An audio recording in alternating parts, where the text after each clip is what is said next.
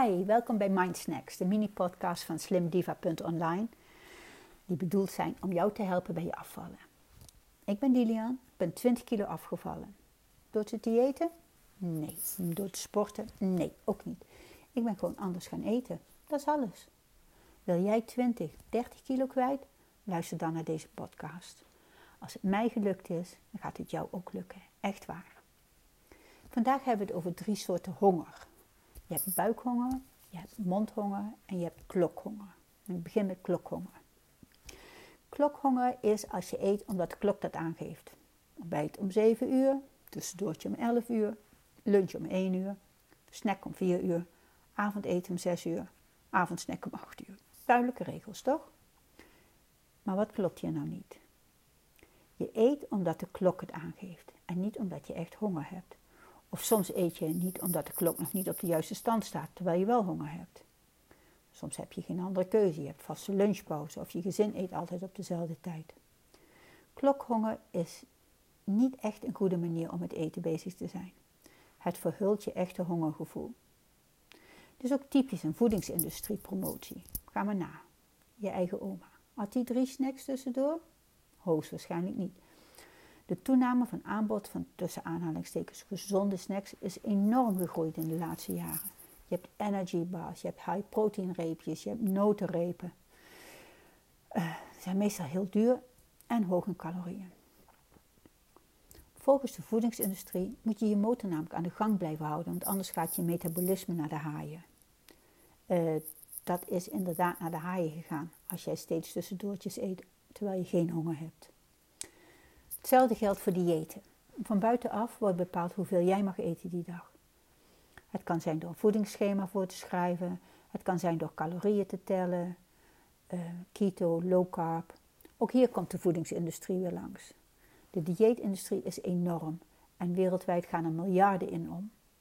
En je weet, diëten helpen, tijdelijk.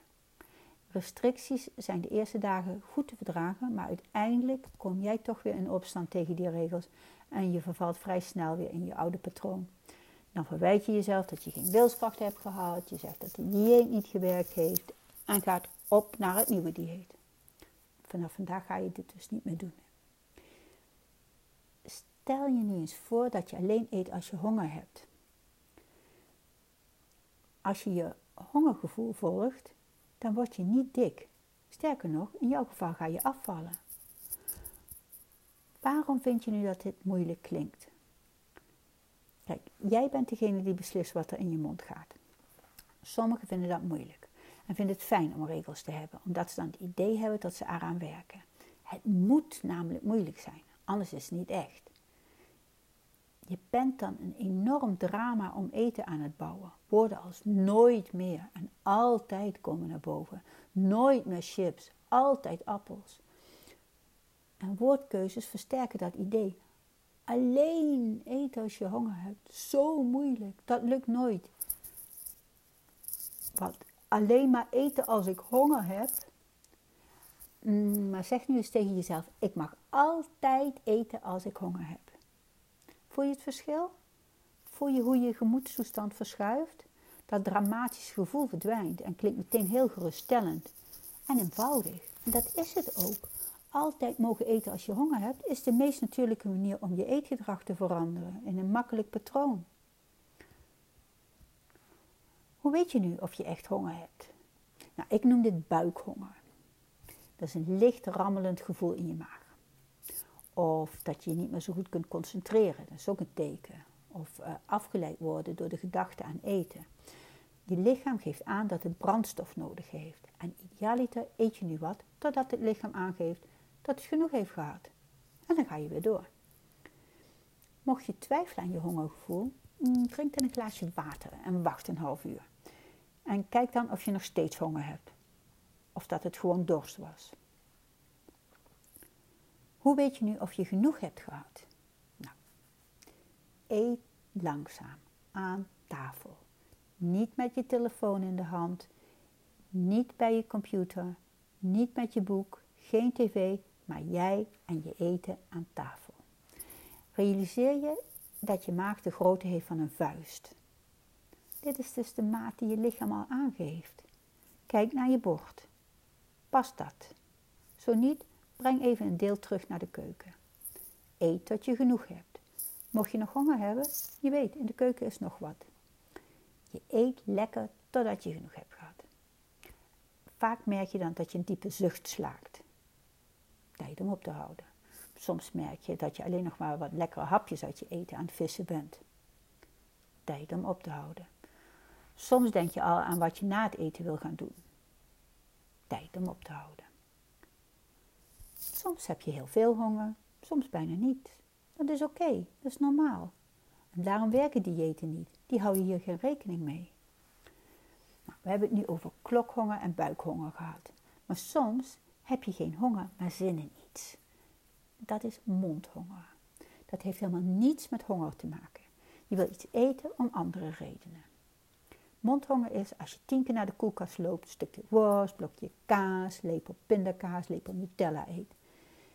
Dit is de honger die je dik gemaakt heeft. Eten met een ander doel dan honger. Je kunt dit emotioneel eten noemen. Maar ik vind zelf die term veel te dramatisch. Het roept loodzware gedachten op, dingen die in het verleden gebeurd zijn, onverwerkte gevoelens. Alles wat je eet als je geen, geen honger hebt, is mondhonger. Het lost ook niks op. Dit is wat mij opviel aan mijn mondhonger. Altijd als ik iets vervelends moet doen, zoals bijvoorbeeld belastingaangifte doen, loop ik na, nou, bijna om de 10 minuten naar de koelkast. Doe die deur open, pak iets. En uh, had ik dan zo'n honger? Nee. Ik ben dus dan het vervelend aan het uitstellen door me eerst prettig te doen voelen door iets te eten. Dat was even lekker. Mijn brein noteert dat voor de volgende vervelende klus. Je gaat ook naar de koelkast, eet wat en dan voel je je beter. En was die belastingaangifte daardoor ook uh, klaar? Nee. Mondhonger lost niks op. Buikhonger lost hongergevoelens op. Mondhonger lost niks op. Emotioneel eten of mondhonger kan ook door heel prettige herinneringen komen. Hoor. Dus uh, als kind bijvoorbeeld las ik heel veel. En dan vond ik het heerlijk om in een stoel te zitten bij de verwarming met een boek en een dubbele boterham met kaas. En die associatie maakte ik steeds, als, ook als volwassene. Ik merkte dat ik dat nog steeds deed. Boek lezen, boterham met kaas willen. Totdat ik een e-reader kocht. En weg was die associatie met een boterham met kaas. Een e-reader met een boterham met kaas was iets anders. Dus dit was opgelost. Mondhonger is dus ook datgene wat jou dik gemaakt heeft. Je hebt meer gegeten dan je lichaam nodig zei te hebben.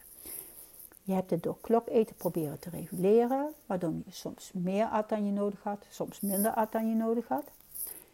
Het is dus ook het moeilijkste controleren, mondhonger, omdat het te maken heeft met gedragsverandering.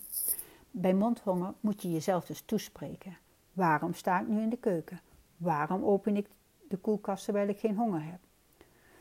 Tot nu toe at je voor je gevoelens, positieve of negatieve gevoelens. Je hersenen reageerden daarop door die link te leggen.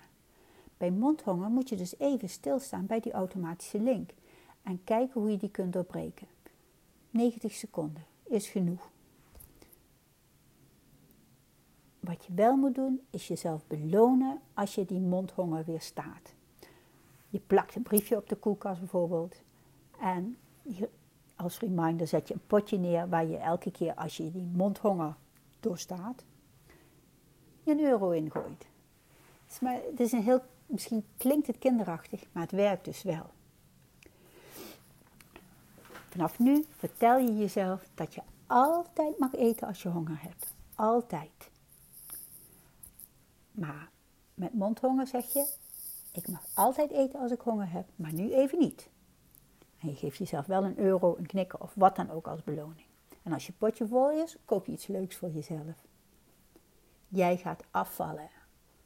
Wil je meer info of wil je private coaching? Ga dan naar www.slimdiva.online en stuur mij een berichtje op lilian.slimdiva.online. Tot de volgende keer!